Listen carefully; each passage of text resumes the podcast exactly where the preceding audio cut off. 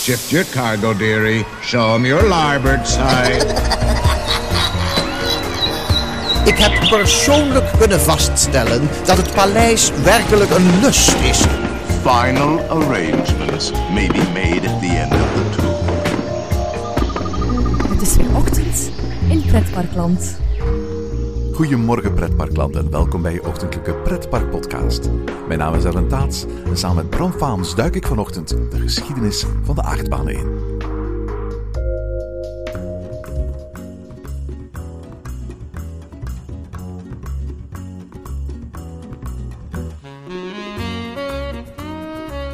Goedemorgen Bram.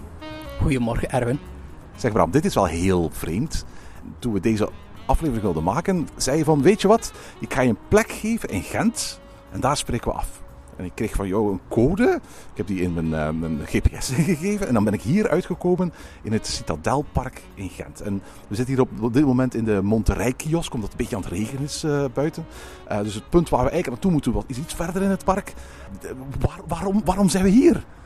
Wel Erwin, dat gaat allemaal duidelijk worden denk ik. Binnen een, ja, een aantal minuten ga je dat weten. Eh, maar we gaan het vandaag hebben over de geschiedenis van de achtbaan. En dit Citadelpark, waar we ons op dit moment eh, in bevinden, ja, dat heeft toch een plaatsje in de achtbaangeschiedenis in België. Nu ben ik wel heel erg benieuwd, want ik zie hier geen achtbaan. Nee, en ik ben daar net ook even gaan spieken en ik heb nog geen achtbaan gezien. Helemaal niks. Eh, het is een beetje de geschiedenis die we terug moeten induiken, maar om te weten om hier aan te komen, moeten we toch nog een stukje verder terug in de geschiedenis. Ja, want we gaan het niet alleen hebben over de achtbaangeschiedenis van België, want we hebben over de geschiedenis van de achtbaan hè? Ja, absoluut. hè. We gaan eens kijken hoe achtbanen ontstaan zijn, van waar ze gegroeid zijn. Maar dan, hè, toen ik daar zelf een beetje onderzoek naar aan het doen was, toen ontdekte ik van, goh, in België is er toch ook wel heel wat gebeurd op, eh, op achtbaangebied. En dat wordt vaak niet verteld. Als je de geschiedenis van de achtbaan hoort, dan gaat het heel vaak over de Amerikaanse kant van de zaak en wordt de Europese kant een beetje onderbelicht. Hè. De, de belangrijkste boeken, ja, die zijn Amerikaans eh, daarover. Maar ik vond het ook wel eens fijn om te kijken van hoe zat het nu in België. Zoals ik het verhaal een beetje ken, begint elk boek en elk verhaal dat ik ooit gelezen heb ehm, eh, over, over de geschiedenis van achtbanen bij het verschijnsel van de Montagne Russe, de Russische bergen. Is dat ook waar jij je verhaal wil beginnen? Ja, de Russische bergen, hè, die Montagne Russe, dat is eigenlijk de eerste, laten we zeggen, eerste incarnatie van de achtbaan. Hè. En ik heb zo de geschiedenis van de achtbaan in een aantal tijdsvakken eh, eh, ingedeeld.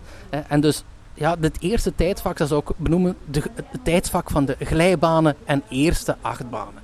En de eerste glijbanen die kwamen eigenlijk al in 1500 voor in eh, Rusland. Hè.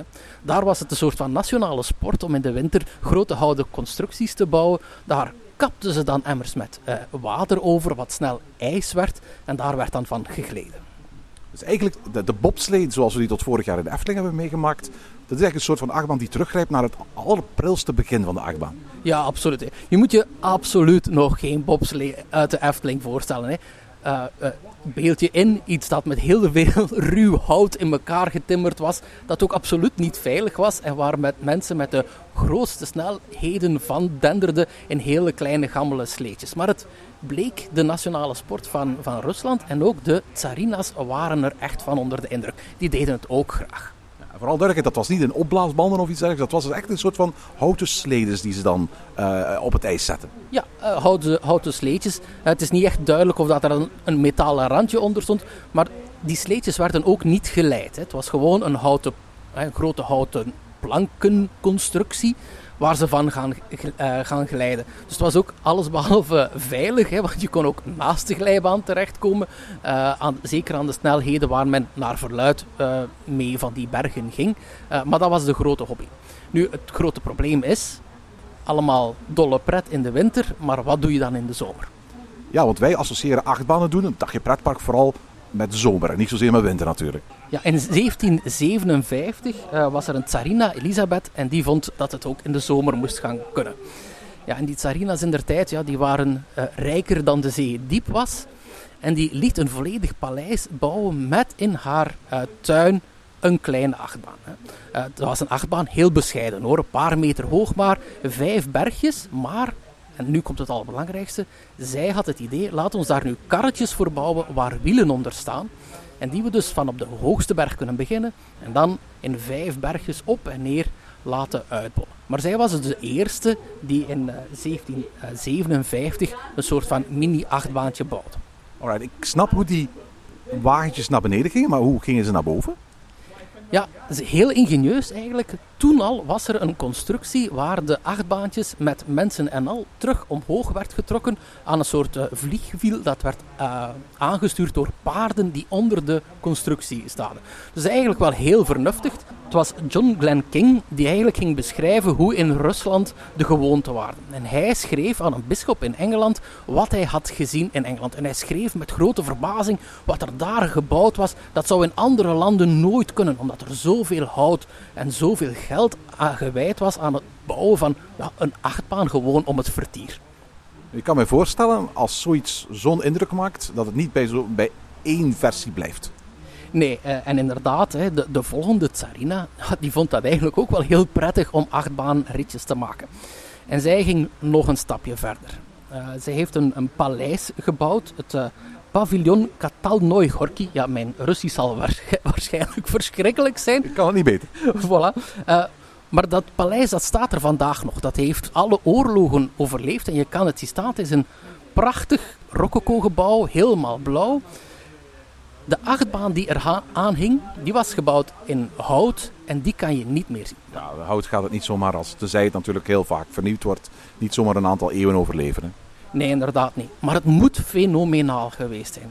Dus uit dat paleis vertrokken drie houten achtbanen waar je op karretjes gezeten ook weer opnieuw heuvels mee kon doen. Het traject was 530 meter lang en het hoogteverschil het, tussen de, de, hoogste berg en het laagste punt was 20 meter. Dus was toch eigenlijk al een, flinke achtbaan. Hè? Als je dat vergelijkt, bijvoorbeeld een Joris en de Draak is, als ik me goed herinner, een 600-tal meter lang.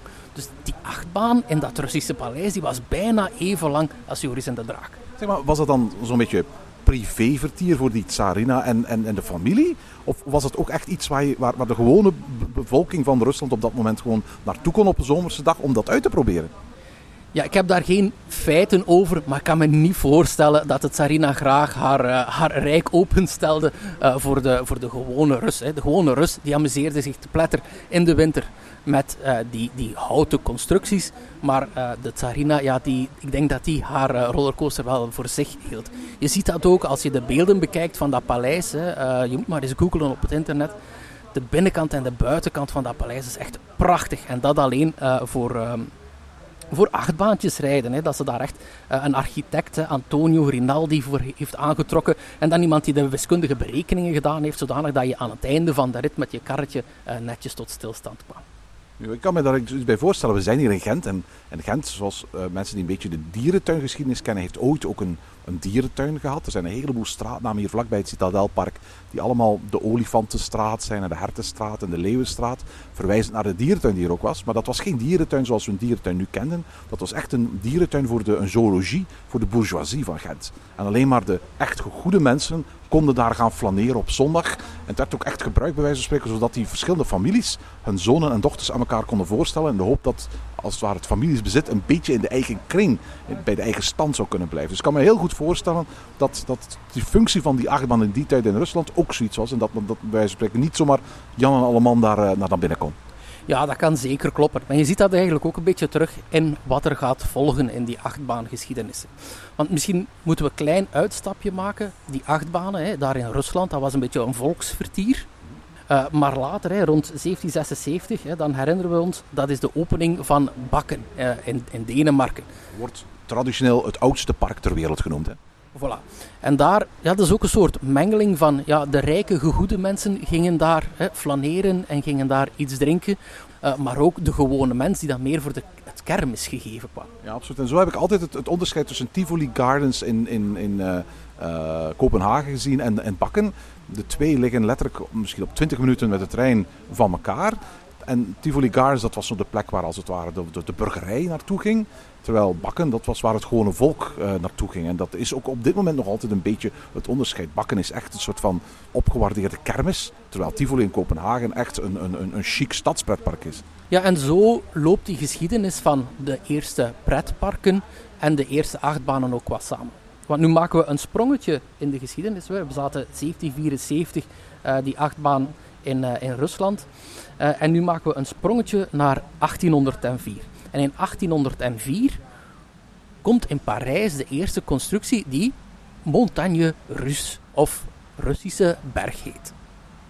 En die Montagne Russe, je verwees er daar net daar al naar, dat is zo wat, wat men altijd noemt als dat zijn de eerste echte achtbanen. Maar we weten nu dat de geschiedenis al van vroeger dateert.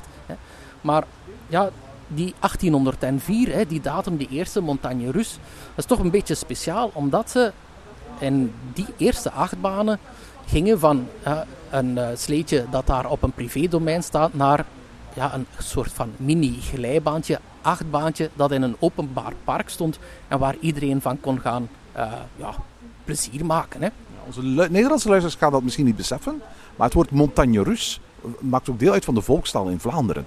Uh, mijn grootouders die noemden achtbanen ook gewoon Montagne Russe. Ja, dat klopt. Hè. In mijn onderzoek over achtbanen kwam ik nog wel wat meer namen tegen. Dat je denkt van, ah, dat zijn... Een Tivoli wordt vaak gebruikt als een soort van synoniem voor een kermis hè, of voor een plaats van vertier. Maar dat heeft ook een hele geschiedenis die daaraan aan vasthangt. Um, maar het zijn dus die Montagne Russe hè, in 1804 en dan later ook in 1817. Dan zijn er ook opnieuw geopend hè, in Parijs. Dat waren eigenlijk de trendsetters van de achtbanen, mag ik wel zeggen. En zie ik daar dan uh, hetzelfde in als wat daar in Rusland was gebouwd? Namelijk grote houten constructies met, met uh, met uh, wielen onder? Ja, absoluut. Wat de Parijse versie van 1817 nog doet verschillen van die uit Rusland, is dat men op dat moment al doorhad van ja, het wordt wel een stuk veiliger als we ook zijrails gaan monteren en er ook wieltjes tegen zetten. Dus op dat moment hadden die kleine sleetjes acht banen onderaan en aan de zijkant. En dat had een enorm voordeel dat iedereen netjes in zijn eigen gleufje naar beneden gleed, wat, uh, wat uiteraard heel belangrijk was uh, voor de veiligheid. Waren er toen al beugels? Nee, zoiets bestond helemaal nog niet. Uh, het waren ook enkele karretjes. Hè. Het was ook meer een soort van sleetje waar je in zat. Hè. Uh, met twee mensen achter elkaar meestal uh, zat je in. En daarmee gleed je naar beneden. Er waren nog lang geen achtbaanterreinen zoals we ze vandaag kennen. En in die eerste Montagne Russe, à hè, daar ging het nog gewoon van boven naar beneden in één rechte lijn. Maar niet veel later, in datzelfde jaar, werd Promenade Arienne gebouwd. Promenade Ariane is een wandeling in de lucht. Uh, en die wandeling in de lucht, dat was de eerste, laten we zeggen, full circuit achtbaan. De eerste achtbaan waar je een volledig rondje deed. Uh, nu, stel je vooral nog geen kettinglift voor. Het was een rondje dat je naar beneden reed. Het was in een boog dat je naar beneden reed. En onderaan waren er medewerkers die de mensen omhoog duwden in hun karretje. Och, harmen die mensen. Ja, ik denk dat het, uh, denk dat het echt wel uh, werken was in die eerste jaren. Het heeft tot 1826 geduurd eer ze een soort van treksysteem hadden gebouwd wat de karretjes met de inzittenden erin naar boven kon trekken. Ik vind het al erg dat je op glijbanen zoals in Bellewaarde, de Big Shoot, uh, je eigen rubberboot helemaal mee naar boven moet sleuren. Kun je je voorstellen wat het is om daar de hele dag ook nog eens mensen mee naar boven te moeten sleuren? Ja, het, het moet echt niet prettig geweest zijn. Het is trouwens iets dat je wel merkt in de geschiedenis. Elke achtbaan is een beetje een innovatie van de vorige. En een kabellift is altijd een belangrijke innovatie geweest. Ik ga straks vertellen over andere types achtbaan en die dan vergeten zijn in de geschiedenis omdat ze ja, iemand anders innoveerde dan met een kettinglift zodanig dat mensen bijvoorbeeld geen trappen op moesten. En dat maakte een achtbaan dan populairder. Dus ja, het geen inspanning moeten doen is toch blijkbaar een soort constante geweest tot vandaag. Ja, eigenlijk is dat een hele goede korte samenvatting van onze volledige tech history natuurlijk ook. Hè? Ja, inderdaad. Zeg maar, weet je wat nu grappig is? Jij haalt nu die Shoots-attractie aan in Bellewaarde. Die werd op hetzelfde moment uitgevonden. Hè? Dus we zijn nu 1817. Op dat moment ontstonden de eerste attracties, zoals de Niagara in Bellewaarde. Uh, dat was zo'n attractie waar je met een boot omhoog gaat en dan naar beneden davert om een splash. Wel, die attractie, de basis daarvan, maar dan veel kleiner uiteraard, is ook in 1817 uitgevonden. Um, die komt ook van, van datzelfde jaar. Ja, die, die, die dingen worden shoot-the-shoots genoemd. En volgens mij was dat water er niet zozeer omwille van het feit dat men een splash wou hebben. Want dat is eigenlijk in hoofdzaak de reden waarom wij die attracties nu doen. Maar eigenlijk omdat water eigenlijk een heel eenvoudige manier was om die boten af te remmen. Ja, absoluut. Hè. En die waren best wel hoog, die shoots die toen gebouwd werden. Eh, en je kan daar af en toe nog eh, postkaarten van terugvinden, van hele oude, waar zelf foto's genomen zijn van de bovenkant. Ik moet toch zeggen, ik zou daar zelf ook een beetje met knikkende knieën staan. Nu bon, we zijn begin de jaren 1800. We zijn in Europa, in Parijs. Eh, hoog tijd dat we eens een uitstapje maken naar Amerika. Want nu zitten we in de tweede tijdsblok in de achtbaangeschiedenis. We zitten nu in de tijd van de achtbaanontdekking. Uh, en die vond natuurlijk ook plaats in de Verenigde Staten. En uh, ik weet niet of dat je het eerste verhaal van de achtbaan altijd kent, dat traditioneel verteld wordt, uh, waar de oorsprong van de achtbaan ligt, door Amerikanen weliswaar. Ja, dat zijn die railways waar, waar Mount Chunk altijd genoemd wordt, hè? Ja, dat wordt uh, ja, voor, voor, door de Amerikanen vaak als ja, de eerste achtbaan genoemd. Nu, ja, dat was oorspronkelijk uiteraard helemaal geen achtbaan. Het was een kolenmijn. En een kolenmijn waar uh, Mount Chunk was een, ja, een stadje uh, aan de rivier. En daar werden de kolen afgedropt. En de kolen die kwamen van, uh, vanaf de summit, Summit Hill. En daar werden de kolen eigenlijk uit de grond gehaald. En dan was er dus een heel lang traject hè, dat heel zachtjes omhoog ging. En daar werden karretjes met kolen naar boven gesleept door ezels. Die werden daar gevuld met kolen en later op de dag werden die karretjes gewoon naar beneden gerold.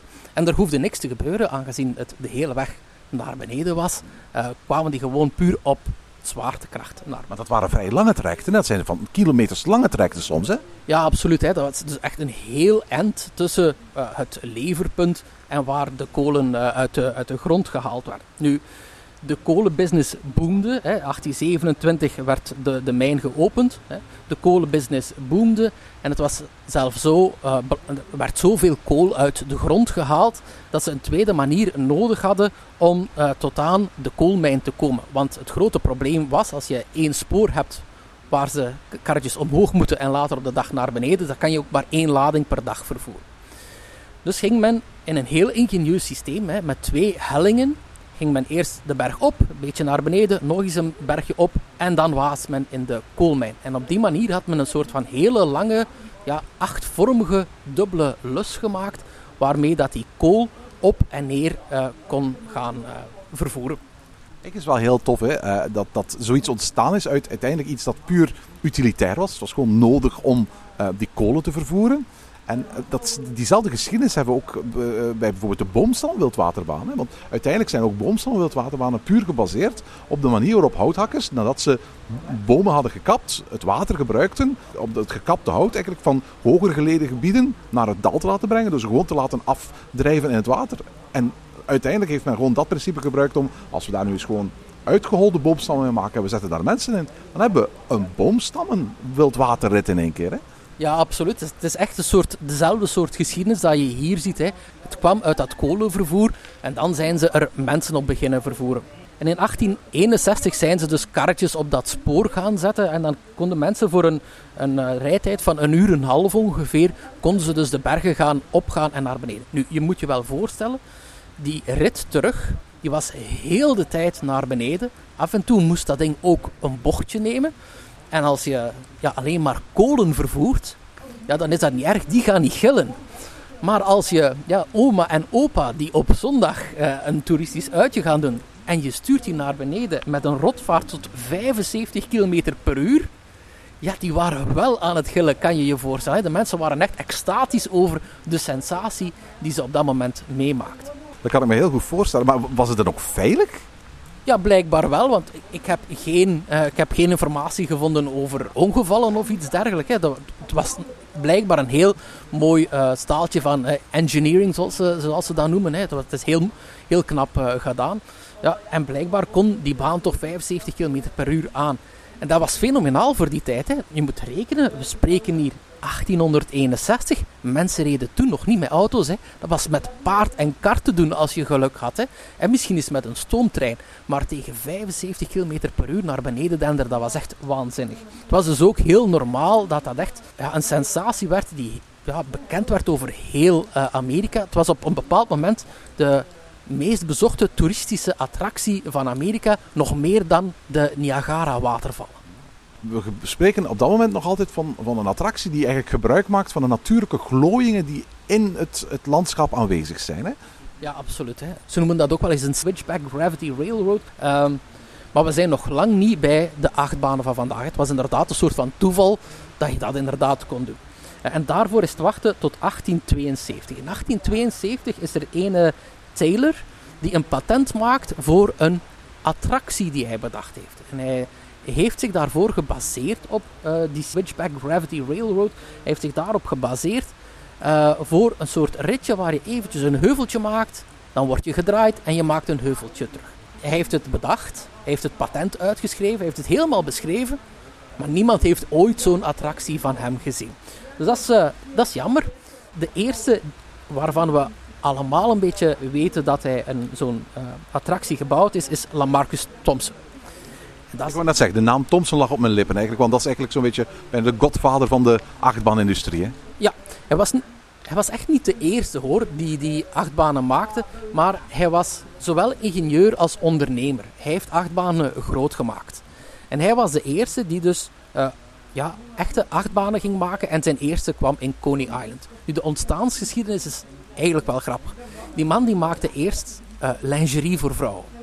Het is niet helemaal duidelijk of hij de machines maakte, wat mij veel logischer zou lijken voor een ingenieur, als dat hij lingerie daadwerkelijk verkocht. Ik, ik vermoed eigenlijk dat hij, dat hij de machines maakte. Maar op een bepaald moment, hij, hij was een heel diep christelijke man. En Coney Island bestond al. En hij vond dat Coney Island, ja, er was wel heel veel vertier, hè, heel veel vertier in Coney Island, maar het was een beetje van een hmm, schimmig allooi. Nu, Coney Island, ja, het bestond al een tijdje, maar ja, je mag het toch niet vergelijken met wat vandaag een pretpark is. Voor alle duidelijkheid, we hebben al eens eerder een uitvoerige aflevering gemaakt over eh, de geschiedenis van, eh, van Coney Island. Wat daar allemaal eh, aan de ene kant vroeger te vinden was en aan de andere kant hoe het er nu bij ligt. Dus we verwijzen wat dat betreft in elk geval heel graag naar die aflevering terug. Maar het was Thompson die ervoor gezorgd heeft dat daar eigenlijk de eerste achtbaan kwam. Hè? Ja, want hij dacht, zo een ritje in een achtbaan, dat is eigenlijk veilig, familievriendelijk en vooral kuis vertier. Hè. Zo samen op zo'n achtbaantje zitten, dat, dat is veel beter dan de bordelen waar Coney Island uiteindelijk ook wel wat voor gekend was in die periode.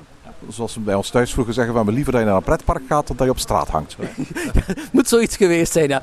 En hij bouwde dus de, eh, de eerste Switchback Railway. En hij baseerde zich daar dus ook inderdaad op de bestaande patenten, maar dus ook zeker op die Switchback Gravity Rail, eh, Railroad die al langer bestond. En hij bouwde een houten constructie. En die houten constructie eh, die was 182 meter lang. Die begon op een hoogte van 15 meter. En dan ging je met een aantal heuveltjes naar beneden. En aan de andere kant moest je afstappen. Nu, apart daaraan was, is dat je op een soort van bank met wielen eronder zat. Eh, je zat dus ook niet in de richting van de achtbaan zoals dat we vandaag gewoon zijn. Je zag eigenlijk, je zat schuin op de achtbaan en keek niet voor je, maar schuin voor je. Dus eh, heel apart om zo een achtbaan te gaan beleven. En voor alle duidelijkheid, ehm, ik, nam, ik neem aan dat die mensen dan te voet naar boven gingen. Hoe gingen de karretjes dan naar boven? Ja, ehm, de mensen namen de trap naar boven. Daar stond een karretje en de medewerkers voor hen klaar om het karretje vast te houden en een duwtje te geven. En dan ging je naar boven, naar beneden, naar boven, naar beneden. Tot als eigenlijk ja, je kracht was uitgewerkt. Ongeveer halfweg de hoogte was dat. En daar stonden weer medewerkers klaar om die laatste meters omhoog terug te gaan overbruggen en de kar omhoog te duwen. Oh, het, is een, eh, het is een job als een ander. Hè?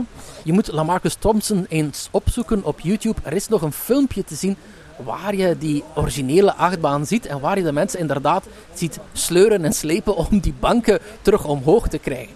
Nu, dat ding was een goudmijn. Hè? Eh, Zo'n ritje, het ging maar 9 km per uur, maar het was ook maar 180 meter lang. Ja, dus mensen waren heel snel op, maar ook heel snel terug af. En dus de mensen stonden in rijen aan te schuiven om die achtbaan te kunnen doen. Dus na een paar dagen had hij zijn investering eigenlijk al teruggewonnen. En iedereen zag ja, die achtbanen, die rollercoasters, het heette toen zo nog niet, hè, maar die attracties, dat is echt wel iets waar dat je ja, geld kan gaan uitverdienen. Dus als je een beetje een, een, een entrepreneur was in die tijd, dan dacht je van, ik moet ook zoiets. Natuurlijk, meneer Thompson had daar ook een patent op. Ja, absoluut. Die patenten, dat is, ja, dat is echt de rode draad doorheen de geschiedenis. Wie het patent had, ja, dat was degene die rijk werd.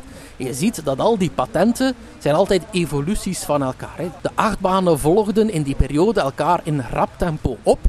Maar dat waren elke keer een soort van door-innovatie van de vorige. Wordt ook altijd genoemd als een van de redenen waarom patenten zo goed zijn. Patenten, daar is ook heel veel slechts over te vertellen. Maar het goede aan een patent is, als jij bij wijze van spreken eh, niet wil vastzetten aan een patent, dan moet je gewoon maar iets nieuws bedenken. Iets, eh, als het ware iets doorontwikkelen naar een betere vorm. Dan gaat bij wijze van spreken ook technologie vooruit. En dat is wat uh, Thomson direct voor had. Hè. In 1884 bouwde hij zijn Scenic Railway in Coney Island. Maar in hetzelfde jaar, op een boogscheut van zijn attractie, opende een tweede achtbaan. Maar deze keer één met een volledig circuit. Uh, herinner je wat we net vertelden? Ja, dat, uh, dat omhoog slepen en dat omhoog stappen van de bezoekers, dat is niet aangenaam. Dus het duurde niet lang voor iemand doorhad van daar zit geld in. En die maakte een volledig circuit waar je gewoon als bezoeker in de kar kon blijven zitten en omhoog getrokken werd. Ja, en het maakt tegelijkertijd ook dat de ervaring langer is. Je hebt meer waar voor je geld, want je hebt ook die ervaring van langzaam maar zeker omhoog getild te worden. Het was toen nog met een kabel dat die kleine bank, hè, want we spreken nog lang niet van een trein, maar die kleine bank omhoog werd getrokken. Het was een jaar later dat uh, Philip Hinkel uh, in Coney Island de eerste achtbaan zette met een echte kettinglift waar je aan, aan kon haken en zo uh, de achtbaan omhoog bracht. Nu, je merkt, we zitten nu steeds dichter te komen bij ja, wat we vandaag kennen als achtbaan. Het, wa het waren nog korte ritjes natuurlijk en het waren nog geen achtbaantreinen. Maar we gaan echt richting die achtbanen van vandaag. En in 1887 uh, innoveerde die Thomson ook. Want hij wist van ja, als ik gewoon telkens dezelfde achtbaan overal ga plaatsen, ja, dat gaat eindig zijn. Want iedereen komt met andere concepten die beter is. En hij ontwikkelde de Scenic Railway. En de Scenic Railway, dat is wat wij kennen zoals bijvoorbeeld de Thunder Mountain vandaag in Disneyland Parijs. Met heel veel thematisatie. Het waren echt achtbanen met uitbeeldingen, met scènes. En vaak waren dat ook gebergtebanen eigenlijk, hè? Ja, aan de buitenkant veel gebergten en soms ook met indoor scènes. Hè. Er, er, was er eentje waar een volledige Indische tempel binnenin zat. Hè. Dus dat was, uh, was echt heel uitvoerig gedaan. En ook met belichting als de trein voorbij reed en zo. Dus daar werd echt wel werk van gemaakt. Vooral duidelijkheid, je maakte nu vergelijken met Big Thunder Mountain, maar, maar ik heb nog foto's gezien uit die tijd. Dus heel veel van die gebergtebanen, dat waren ook heel platte bergen bij wijze van spreken. Dat waren ook vaak gewoon bergschilderingen natuurlijk. Hè? Ja, en in dat opzicht moet je toch wel een beetje plaatsen in ja, de kermiscultuur. Hè. Coney Island was eigenlijk een reeks van kermissen en reeks attracties. Als bezoekers, als je ervoor stond, zag het er heel indrukwekkend uit. Keek je langs de andere kant, dan zag je dat het bij wijze van spreken wat, uh, wat gipswerk was met een aantal platen die beschilderd waren. Maar eens dat je op de achtbaan zat, zal het zo lang niet zo mooi geweest zijn. Ik, ik, denk dat de enige achtbaan in dat genre dat ik ooit gedaan heb, dat dat de, de, de roetsjebaan in, in um, Tivoli Gardens in Kopenhagen is. Ja, absoluut. Hè. Daar moet je het echt mee gaan vergelijken. Hè. Dat, is, dat is echt zo'n typische scenic railway. Iets wat je nog zal herkennen uit oude banen uit die tijd, is dat uh, dat waren hele smalle, compacte treintjes. Hè. Dit waren de eerste treintjes waar je met twee naast elkaar kon zitten, maar waren hele smalle karretjes en daar stonden vaak zo van die draken aan de voorkant. Hè. Heel ornamentaal uitgewerkt, hè, uh, met hout uh, ingekerfd. Heel mooi gedaan. Hè. Dus daar was allemaal heel veel aandacht voor. Overigens, hebben we nu even over, over Tivoli Gardens en met name over de roetsjebanen daar. Maar de achtbaan zoals die er nu staat, dat was niet de achtbaan zoals die er oorspronkelijk stond, hè? Nee, in Tivoli heeft ook nog zo'n Montagne Russe gestaan. Eén uh, jaar na opening van Tivoli stond hij er al. En op hele oude postkaarten en oude foto's kan je ze zien staan. Het was echt zo'n typische Montagne Russe zoals ze ook in uh, Parijs stond, maar wel een heel aantal jaren later. Maar je zag dus toch dat ook al is daar weinig ja, documentatie van dat die Montagne Russe niet alleen in Parijs gestaan heeft, maar dat hij dus ook ja, of op andere plaatsen in Europa moeten opgedoken hebben. Nu, we zijn eind de jaren 1800 en ik wil eventjes een zijstapje doen van het achtbaanverhaal. We moeten even naar een wereldtentoonstelling. Hè. De, de, de World Columbian Exposition. Hè. Dat was de wereldtentoonstelling in Chicago. Uh, daar werd iets gebouwd wat nu gekend staat als de White City. Um, waren heel uh, indrukwekkende klassicistische gebouwen die daar geplaatst werden om, zoals altijd, uh, de landen voor te gaan stellen.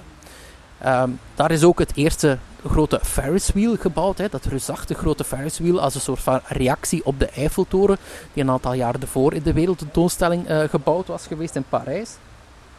Waarom neem ik nu dat, dat uitstapje naar die wereldtentoonstelling? Omdat die enorm invloedrijk geweest is voor wat later zou komen. In 1893 werd eigenlijk de basis gelegd voor wat, we, wat later zou komen in Amerika, de lunaparken, en wat zich dan uiteindelijk over de hele wereld zou verspreiden. En het is een soort van blauwdruk geweest voor pretparken en ook voor wereldtentoonstellingen in de toekomst. En dat is belangrijk voor de rest van ons verhaal, want we zijn voor de eerste keer in België aanbeland. Je gebruikt daar het woord lunapark. Nu, lunapark, daar, daar, daar bestaan, afhankelijk van waar je het gebruikt en in welke context gebruikt, heel wat betekenis voor. Hier in, in, in, in België wordt het woord lunapark vooral gebruikt voor arcadehallen, voor de, van die speelhallen, vaak op de kermis, met allerlei grijptoestellen en casinospelen. In Nederland wordt het woord lunapark uh, regelmatig gebruikt als synoniem voor cakewalk. Dus die, uh, die uh, kermisattracties, zo'n beetje als Hotel Tartuffe in, in, in Fantasieland, waar je met allemaal bewegende trappen en spiegeldolhoven en dat soort dingen meer. Maar in Amerika betekent het woord lunapark een park waar je vooral s'avonds naartoe ging.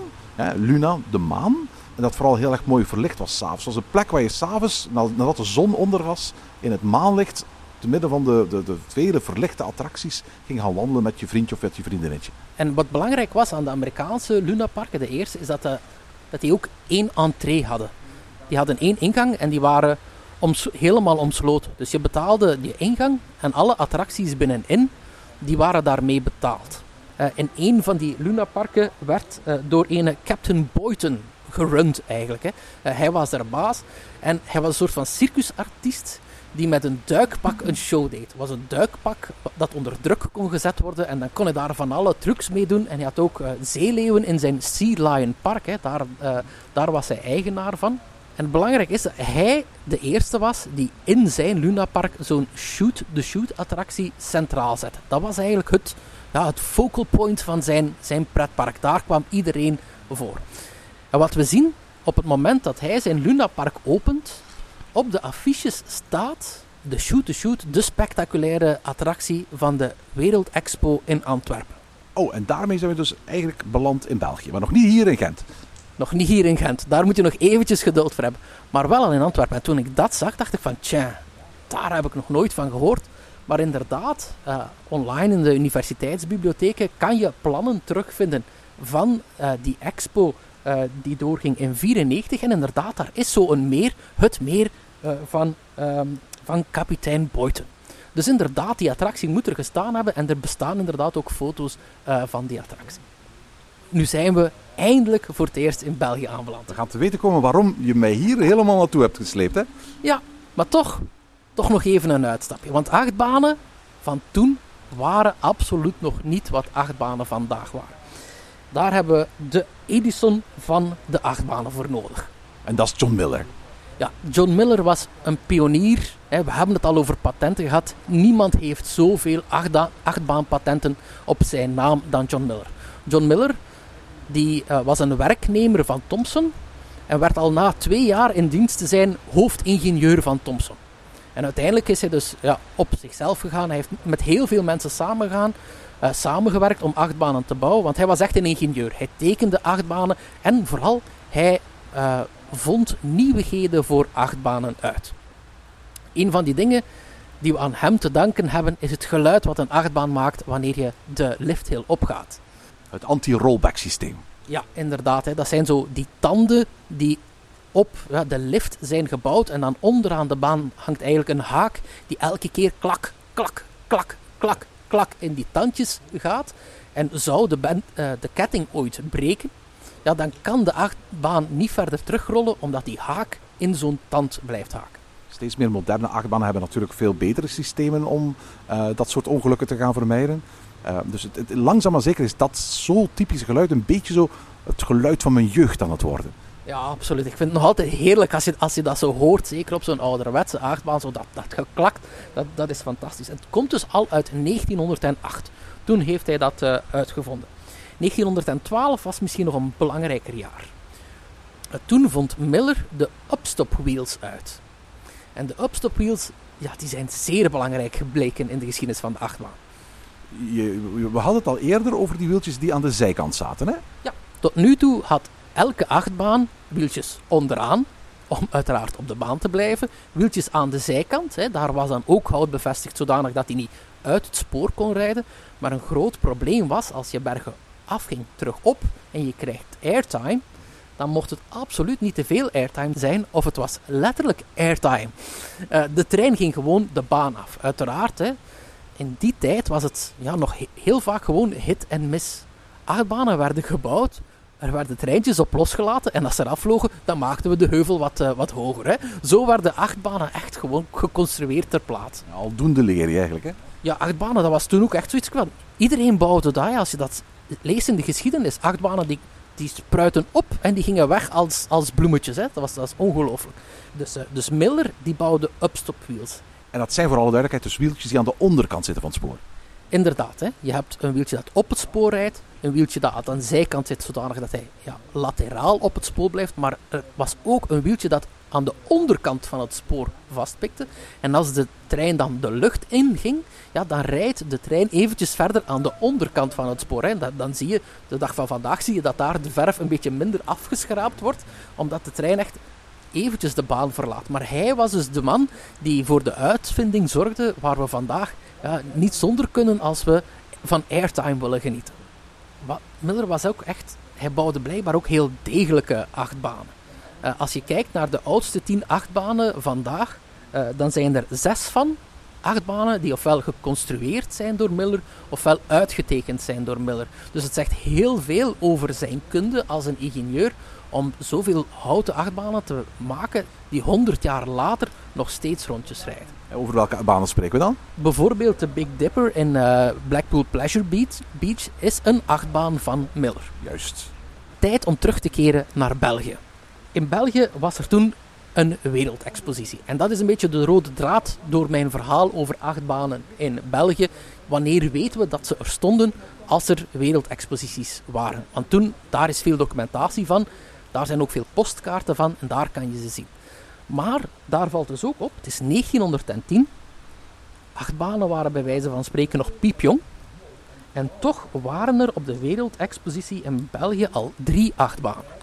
En nu hebben we het over de Wereldexpo van 1910 in Brussel, hè? Ja, dus die wereldexposities hadden allemaal de gewoonte om uiteraard de landen en hun innovaties en hè, wat, wat, wat voor fantastische dingen ze allemaal deden, ge- gingen ze tonen. Maar bij al die exposities was een soort van kermis gebouwd. Eh, en in die in Brussel dus ook. En daar stond drie achtbanen. Eén, een Dip de Dips achtbaan. En dat is zo'n typische eh, achtbaan die er echt uitziet als een acht als je ze van boven bekijkt. Stel je daar vooral niet te veel van voor. Hè. Dat, dat was echt nog zo'n eh zijfrictie-achtbaan. Zo'n achtbaan zonder wieltjes onder de baan. Die gingen dus ook helemaal nog niet snel. En die reden dus over een paar verdiepe achtjes eh, onder elkaar. Een tweede achtbaan die daar stond was de Tickler. En de Tickler, dat kennen we vandaag helemaal niet meer. Ik denk dat het ook een heel onprettige beleving moet geweest zijn. Ehm, de Tickler werd ontdekt of gemaakt, de eerste in 1906. Dan zat je in een ronde wagen, werd je een helling opgetrokken en dan ging je als een, als een flipperkast naar beneden. Dus je ging, dat was wel min of meer een spoor, maar toch ook wel niet zo heel. En je ging gewoon puur op zwaartekrachten, rolde je naar beneden als waar je een balletje in een flipperkast. Alright, dat klinkt inderdaad niet echt prettig. Nee, je moet echt getold hebben als, als een gek. Maar blijkbaar waren er mensen wel zot van, want ja, ze was toch ook naar Europa gekomen. Alright, dus met, met recht en reden vinden die nergens meer terug, dat soort type achtbanen. Ja, wellicht niet. Hè. Spinning coaster, daar, denk, daar, daar zien we vandaag toch wel iets heel anders mee. Een derde achtbaan die er stond, was zo'n typische scenic railway. Zo'n achtbaan waar je tussen een landschap eh, moest gaan. Ik heb daar postkaarten van. Ja, die scenic railway was wel heel karig. Hè. Het is net zoals jij zegt, vooraan een beetje gipsen rotswerk, maar daarachter waren het echt gewoon geschilderde platen. Alright, we zijn in Brussel, wereldtentoonstelling. Waar bevinden we ons eigenlijk nu in de geschiedenis van de achtbaan? Ja, nu zitten we in het tijdsvlak wat ik de achtbaan-explosie noem. Het was Miller eigenlijk die met zijn innovaties heel veel mogelijk maakte. En ja, men dacht echt dat alles mogelijk was. Hè. Die periode tussen jaren 1900 en 1920, 1930, daar werden eh, de gekste dingen bedacht en soms ook uitgevoerd. Eh, 1920 bijvoorbeeld was er een eh, eh, George Francis Meyer die in Coney Island het geweldige idee had van laat ik eens een houten achtbaan maken waar ik een soort van kunstmatig kanon op zet. En dan gaat die achtbaan zo hard dat ik een stuk uit de baan kan weglaten. En dan zullen de mensen aan de andere kant wel weer landen op de andere kant van de baan. Stuff that cartoons are made of. Eh, ja, inderdaad. Ze hebben dat ook gebouwd. Gelukkig hebben ze het ook getest met zandzakjes en dat ging nog redelijk goed. Enige probleem is, wanneer dat ze door hadden als de zandzakjes e- niet exact even zwaar waren, ja, dat het wagentje dan niet netjes meer op de sporen terecht kwam. En gelukkig hebben ze de achtbaan toch maar een volledig circuit gemaakt voor ze er eh, mensen in toelieten. Het is heel cool dat, eh, dat in Nintendo World wordt op dit moment een, een, een eh, Mario Kart attractie gebouwd. Straks gaat hij open in Japan, binnenkort in Orlando. Waar men exact dat effect eh, gaat proberen te creëren. Natuurlijk zonder dat het karretje echt van de baan afgaat. Maar waar we wel een hele eh, ingenieuze manier gevonden hebben om dat te simuleren. Waardoor je echt het gevoel zal hebben dat je de sporen verlaat. En dan misschien kan die dan opengaan, eh 100 jaar na, na, de eerste poging, wat dus geweldig zou zijn. Nu, die, die Cannon Coaster, want zo heette die, die zag er wel geweldig uit, maar het zegt wel iets over hoe innovatief men wou zijn in die periode. En in 1929 eh, bedacht eh, Miller de Flying Turns achtbaan. Flying Turns doet mij denken aan de naam van een achtbaan die in Noble staat, als ik me niet vergis. Ja, absoluut. Hè. Ze hebben die dus onlangs, hè. het is te zeggen onlangs, in 2006 zijn ze daaraan beginnen bouwen om zo'n Flying Turns achtbaan te gaan reproduceren. Het heeft hen zeven jaar geduurd voor ze de baan goed en wel veilig en constant konden openen. En eigenlijk moeten we gewoon zeggen, het is, een, een bobsleebaan, maar dan uit hout, hè? Ja, het is een bobsleebaan uit hout. Eh, een beetje zoals we ze kennen eh, van de variant in metaal van Mac. Je zit er echt met een treintje in, een korter treintje weliswaar. Eh, maar het is echt met een treintje dat je erdoor gaat. Het zegt toch wel iets over de, ja, de ingenieurscapaciteit van die Miller.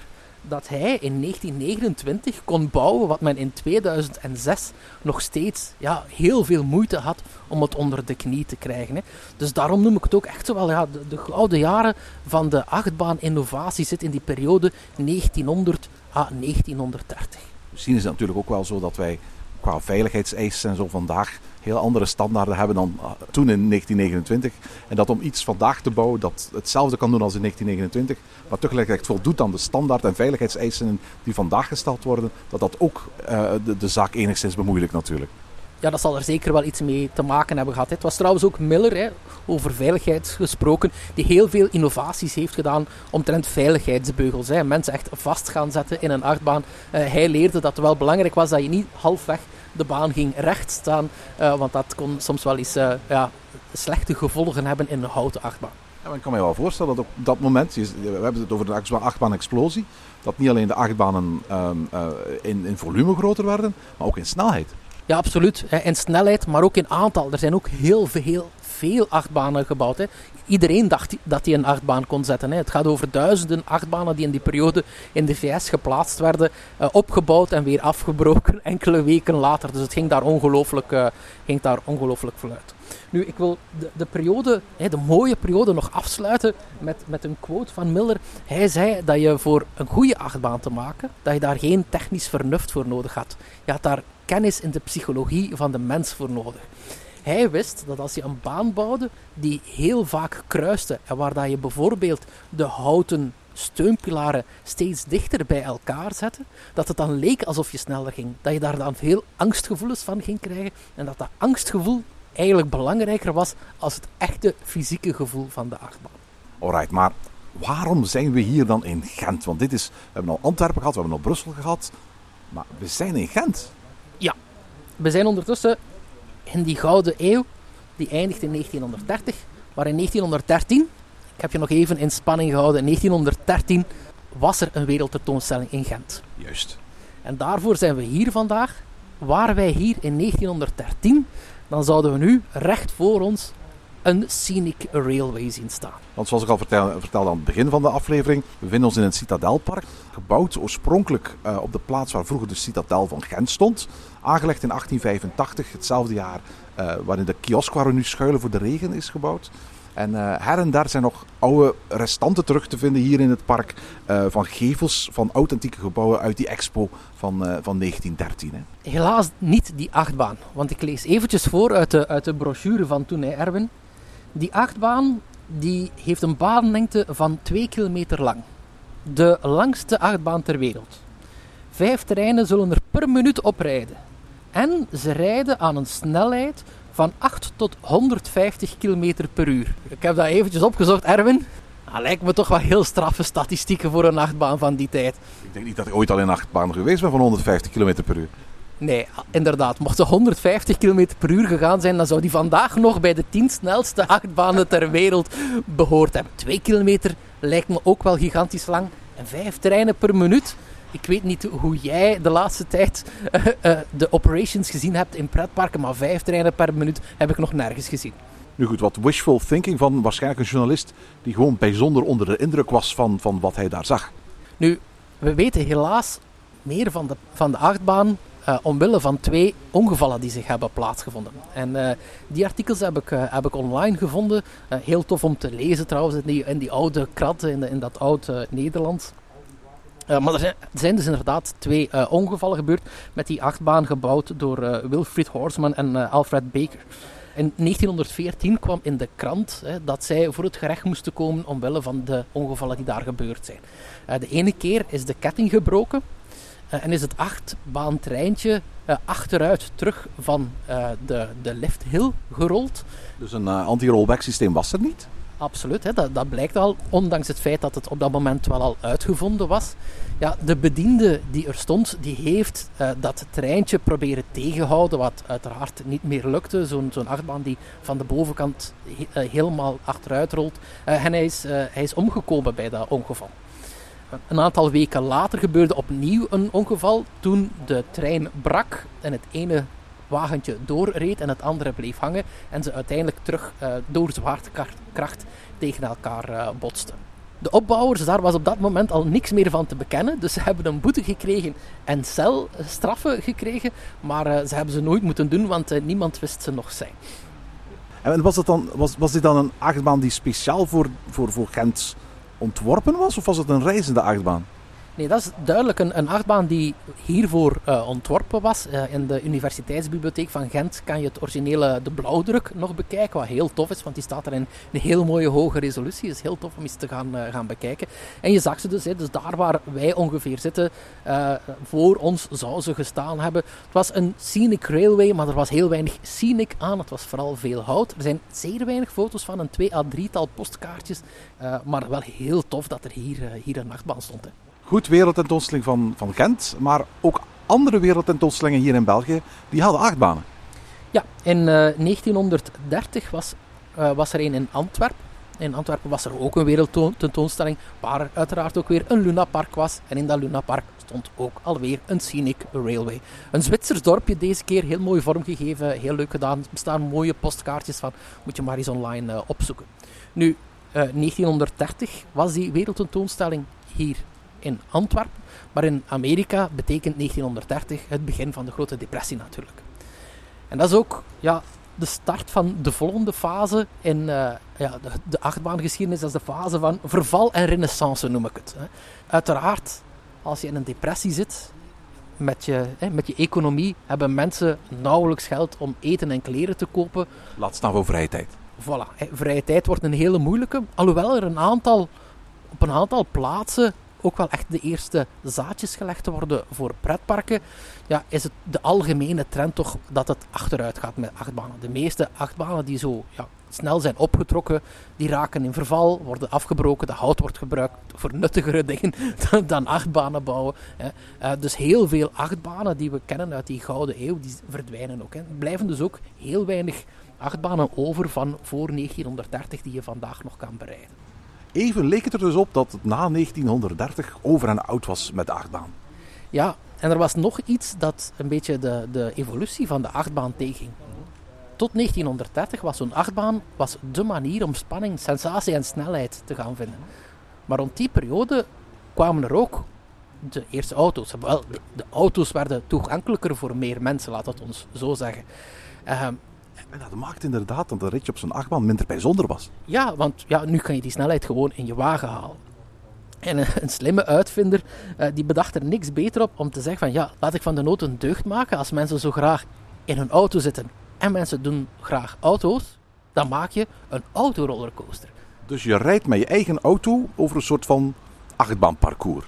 Ja, moet je eens bekennen, als achtjarige, ik had, ik had dat altijd als droom. Dat, dat, dat we met auto, met mama en papa, op een achtbaan zouden kunnen gaan rijden en dan loopings maken en zo. Maar blijkbaar was er dus een ondernemer in Amerika die dat ook had gedroomd en dat ook deed. Geen loopings neem ik aan. Nee, loopings uiteraard niet. Het was een parcours eh, met heuvels gemaakt uit hout, eh, een aantal meter breed. Hè. Auto's zouden elkaar kunnen passeren, hè. Ze zouden elkaar kunnen voorbijsteken uh, mocht het nodig zijn. Het, het, hoogteverschil was maar 3 meter en het waren dus heuveltjes op en neer van 3 meter die je met de auto kon afleggen. 11 heuveltjes in een U-vormig patroon en dan kon je kiezen om bij te betalen en opnieuw het ritje te maken. Dit was gewoon, gewoon een, ja, een, een soort raceparcoursje. Ja, Erwin, dat zeg je nu wel, maar je moet het eens googlen. Je moet het eens googlen. Autorollercoaster. Kijk op, uh, op YouTube, er staat een video op. Mensen hadden in die tijd ook minder besef van veiligheid, denk ik. Je ziet de mens echt rondtollen in de auto terwijl ze er overvliegen. Het is heel leuk om naar te kijken. Het is niet iets we op dit moment opnieuw zouden bouwen, waarschijnlijk. Uh, ik, denk, ik denk dat de veiligheidsvereisten daar niet voor uh, bestaan. Alhoewel dat er een automerk het wel eventjes uh, getest heeft als een soort van reclamestunt. Nu 1930, dat is in de, binnen de Benelux ook bekend als het jaartal waarin de alleroudste achtbaan bij ons, de Rodelbaan in, in de Waarbeek, geopend is. Ja, dat is inderdaad een klein stalen achtbaantje. Ehm, ja, en dan hoor ik een aantal mensen denken, zeg maar, ik weet nog uit mijn rollercoaster geschiedenisles dat de eerste stalen achtbaan dat dat de Matterhorn bobsled uit uh, Disneyland in Anaheim was. Ja, dat, dat, als ik me niet vergis is het zo dat het is niet de eerste stalen achtbaan, maar de eerste achtbaan met ronde tracks, tubular tracks. Ja, inderdaad. Hè, dat, was de, dat was een van de grote innovaties dan. Maar daar gebruikten ze ook uh, kunststoffen wieltjes. Hè, uiteraard hè, metaal, maar met kunststof bekleed voor een aangenamere ervaring. Wat nog speciaal was in die Matterhorn bobsleds die daar uh, gebouwd werd, is dat er twee banen tegelijkertijd gebouwd werden, uiteraard, maar dat die ook in bloksecties gedeeld werden. En een bloksectie, dat weten, hè, elke achtbaan-fan weet dat dat ja, een stuk achtbaan is waar tussen altijd een rem is, zodanig dat je meerdere karretjes tegelijkertijd op de baan hebt en dat op het moment van een calamiteit een karretje kan afgeremd worden zodanig dat ze niet botsen. Nu, dat waren heel veel innovaties die in één baan samenkwamen uh, in 1959. En dat was eigenlijk een beetje, ja, dat luidde het tijdperk in van de nieuwe achtbaan. Hè. We hebben nog niet gezegd, maar die Matterhorn bobsleds, voor wie het nog niet weet, dat was in Disneyland in Anaheim. Hè? Ja, absoluut. Hè. Uh, en die is gebouwd door Arrow. Hè. Arrow was een Amerikaans bedrijf, uit Silicon Valley trouwens, die al heel veel attracties voor Disney gemaakt heeft. En Disney vond het bedrijf zo belangrijk voor zijn business dat hij zelf een aandeel heeft genomen in Arrow uh, in die tijd. Maar zij hebben dus inderdaad die uh, Matterhorn bobsleds gemaakt en eigenlijk ja, de moderne achtbaan, de moderne stalen achtbaan moet ik zeggen, uitgevonden. En ik neem aan dat we dan eigenlijk ook zo'n beetje kunnen zeggen dat we in een nieuw tijdperk aankomen. Misschien zelfs het, het laatste tijdperk van de achtbanen. Dat, dat luidt eigenlijk het, het tijdperk van de moderne achtbaan in.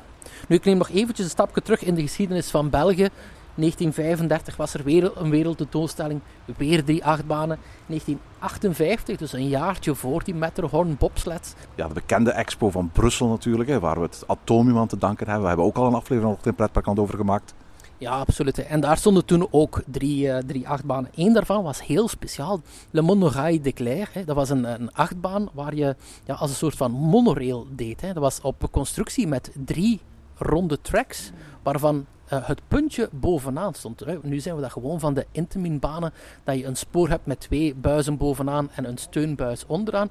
Daar was het omgekeerd en zat je, je wagentje als het ware over de baan uh, als een monorail. Uh, het is onduidelijk wie die gebouwd heeft. Sommige mensen zeggen dat het Mac was dat die achtbaan gebouwd heeft. Denk het eerlijk gezegd niet, want Mac bouwde in diezelfde expo al hun befaamde houten wilde muis achtbaan, die daar dus ook stond. Dus we hebben in België een houten achtbaan van Mack Rides gehad eigenlijk. Ja, absoluut. Hè. Uh, Mack bestond uh, al heel lang. In 1921 zijn zij eigenlijk begonnen met, met achtbanen te bouwen. het eerste was voor een reizend gezelschap bouwden ze een, een achtbaan met een spiraallift. Dat is blijkbaar een fascinatie die we in Europa... Tot op vandaag, ja. ja in Europa Park zien we dat dus uh, nog altijd, dat ze het daar helemaal voor hebben, voor die spiraalliften. En dus hun eerste achtbaan was er dus ook zo in met een spiraal. Ah, typisch, typisch. ja, dat is de, de familie Mac. Maar eigenlijk wel mooi om te zien dat zij toch ook heel vroeg in die business van achtbanen bouwen uh, zaten. even terug naar die Matterhorn bobsleds en, en de grote innovaties die daar zaten met Arrow. Ja, Arrow was echt een stuwende kracht in de achtbaan-innovatie. Zij waren degene die als eerste een achtbaan een looping lieten maken. Nu, het is te zeggen, als eerste loopings in achtbanen, eh, die waren er al lang. Het was, Ja, want ik herinner me nog zo van die hele oude vintage foto's. Misschien zelfs van Coney Island of iets dergelijks. Waar dan zo'n houten, bijna 360 graden eh, cirkeltje in zat. Zo, hè? Ja, inderdaad. Eh, 1895 zijn we. En toen werd de Flip Flap Railway in eh, Sea Lion Park gezet. Hè. Dat is van die Captain Boyden waar we het er straks over hadden. Hij was de eerste die zo'n eh, achtbaan in zijn park zette. En zoals je zelf aangeeft, een perfecte cirkel was dat. Wel niet zo eh, tof voor de nekjes, want je ervaarde daar enorme G-krachten in. Die achtbaan heeft er echt niet lang gestaan, omdat ze zo oncomfortabel was dat mensen ja, het bewustzijn verloren op de achtbaan. En men heeft later ontdekt dat, dat vooral de druppelvorm van een, van, van een inversie eigenlijk de meest comfortabele vorm was eh, wat, wat krachten betreft om in een achtbaan te gaan gebruiken. Dat was eigenlijk niet veel later. 1901 was er al een patent van ene eh, Edward Green. Eh, en die heeft al zo'n druppelvormige looping gemaakt. Dat patent kan je opzoeken op Google Patents. Zeker doen. Prachtig vormgegeven. Daar zie je ook dat daar heel veel veiligheidsmechanismes in zijn gebouwd. Maar dat had één grote zwakte. En dat was dat je daar met een karretje met twee mensen door moest. En voor een kermis, dat brengt gewoon te weinig op. Uh, en daarom heeft het heel lang geduurd voor er een succesvolle tweede generatie van achtbanen met een inversie kwam. En Arrow was de eerste die dat uh, deed. Het was dan wel geen looping, het was een corkscrew, hè, een, een kurkentrekker gebaseerd op, op de beweging die vliegtuigen maken. Uh, maar het was de eerste keer dat je effectief terug veilig en goed over kop kon gaan. En dat was in Knott's Berry Farm, als ik me niet vergis. Echt vijf kilometer van Disneyland vandaan. Ja, absoluut. Hè. Dat is trouwens een park met ook een heel interessante geschiedenis. Uh, dat Knott's, uh, Knott's Berry Farm. Maar zij maakten dus de eerste corkscrew coaster. Duurde niet lang, maar één jaar. En toen kwam er een, een nieuwe looping. En die, die looping werd gebouwd in Six Flags Magic Mountain. Hè. En uh, de achtbaan heette de Revolution. Het is eigenlijk de Revolution 2, want die, die looping werd toegevoegd aan een bestaande achtbaan. De looping was gemaakt en, en bedacht door Schwarzkopf. Uh, de man die we kennen van de Duitse kermisachtbaan, die enkele, tientallen jaren al kermisbanen aan het maken was. Hij was degene die die looping gebouwd had. Ja, dus ook de man achter de loopings daar in Bobbejaanland vroeger, of de Sirocco, nu de Psyche Underground in, uh, in, Belgium natuurlijk. Toen had het nog niet die typische vorm die je vandaag nog herinnert van ja, de Sirocco of de looping. Star uit Bobbejaanland. Dat is, dat is ja, een vorm die ik uit de duizenden herken. Uh, daarvoor moesten we nog even wachten. In uh, 1978 opende de eerste achtbaan met zo die kenmerkende looping. En dat was in zo'n uh, shuttlecoaster zoals we de Sirocco kennen. Dat was ook een van de eerste echt gelanceerde achtbanen. Dus ook weer een, een, een, grote stap in die achtbaangeschiedenis. Ja, absoluut. En uiteraard, de, de heeft de, de, de Psyche Underground aangepast. Uh, zodat hij toch wel qua gevoel heel erg anders is. Wat ook een paar jaar geleden in Knott's Farm was. Daar staat nog zo'n oorspronkelijke shuttle loop coaster van Schwarzkopf.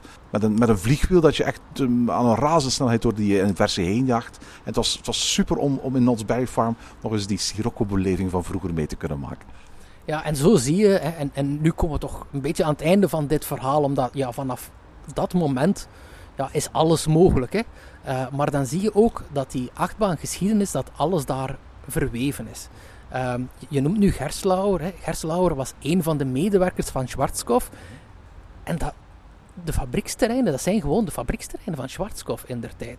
Werner Stengel, die die looping ja, uh, berekend heeft, ja, die man kennen we van talloze andere achtbanen die hij ontworpen heeft voor Intamin. Absoluut, we denken nu aan Werner Stengel, vaak aan van die grote spectaculaire BNM's, maar hij was ook de man die bijvoorbeeld de berekeningen maakte voor de bobslee in de Efteling. Ja, en de Bob uit de Efteling was een baan van Intamin, maar uiteindelijk gebouwd door Gio van Nola. Bij Gio van Nola, daar werkten twee ingenieurs, Bollinger en Bijaard van BNM. En zo blijkt dat dat hele wereldje, ja, eigenlijk een heel klein wereldje van ingenieurs is. Wist je trouwens dat ja, zowat alle houten achtbaanbouwers die we vandaag kennen, zoals bijvoorbeeld Great Coasters Internationals, de Rocky Mountain Construction, uh, Gravity Group, die zijn allemaal te herleiden naar de Philadelphia Toboggan Company die al in 1904 opgestart is. En zo zie je dat zowel bij die houten achtbanen als ja, bij de stalen achtbanen die we kennen vandaag, dat dat allemaal een beetje elkaar de hand geeft. Het toont ook, en dat is ook een gevoel dat ik vaak heb als ik uh, naar zo'n beurs ga van de IAPA of zo, wat een kleine wereld de achtbaanwereld ook eigenlijk is. Ja, absoluut. Nu, je ziet dat vanaf die uitvinding van dat staal en van alle veiligheidssystemen die daarbij, uh, daarbij horen, dat, bijna alles mogelijk is. Hè. Lanceringen worden steeds spectaculairder, achtbanen worden zo hoog, hoog dat je denkt van hoe is dit in godsnaam nog mogelijk? Uh, en het is een beetje de geschiedenis die we vandaag kennen. Elk jaar wordt er wel weer iets spectaculairders uh, op de markt gebracht. En tot zover deze aflevering van Ochtend in Pretparkland. Heb je vragen of opmerkingen? Mail ons dan via ochtend.pretparkland.be. Meer informatie over onze podcast vind je terug op www.pretparkland.be en nieuwe afleveringen download je via onze website of via iTunes. Ochtend in Pretparkland is de pretparkpodcast voor vroege vogels. Bedankt voor het luisteren en maak er een fijne dag van.